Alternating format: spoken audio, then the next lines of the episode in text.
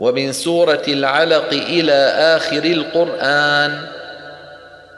وعن قنبل قصر روى ابن مجاهد رآه ولم يأخذ به متعملا. ومطلع كسر اللام رحب وحرفي البرية فهمز آهلا متأهلا.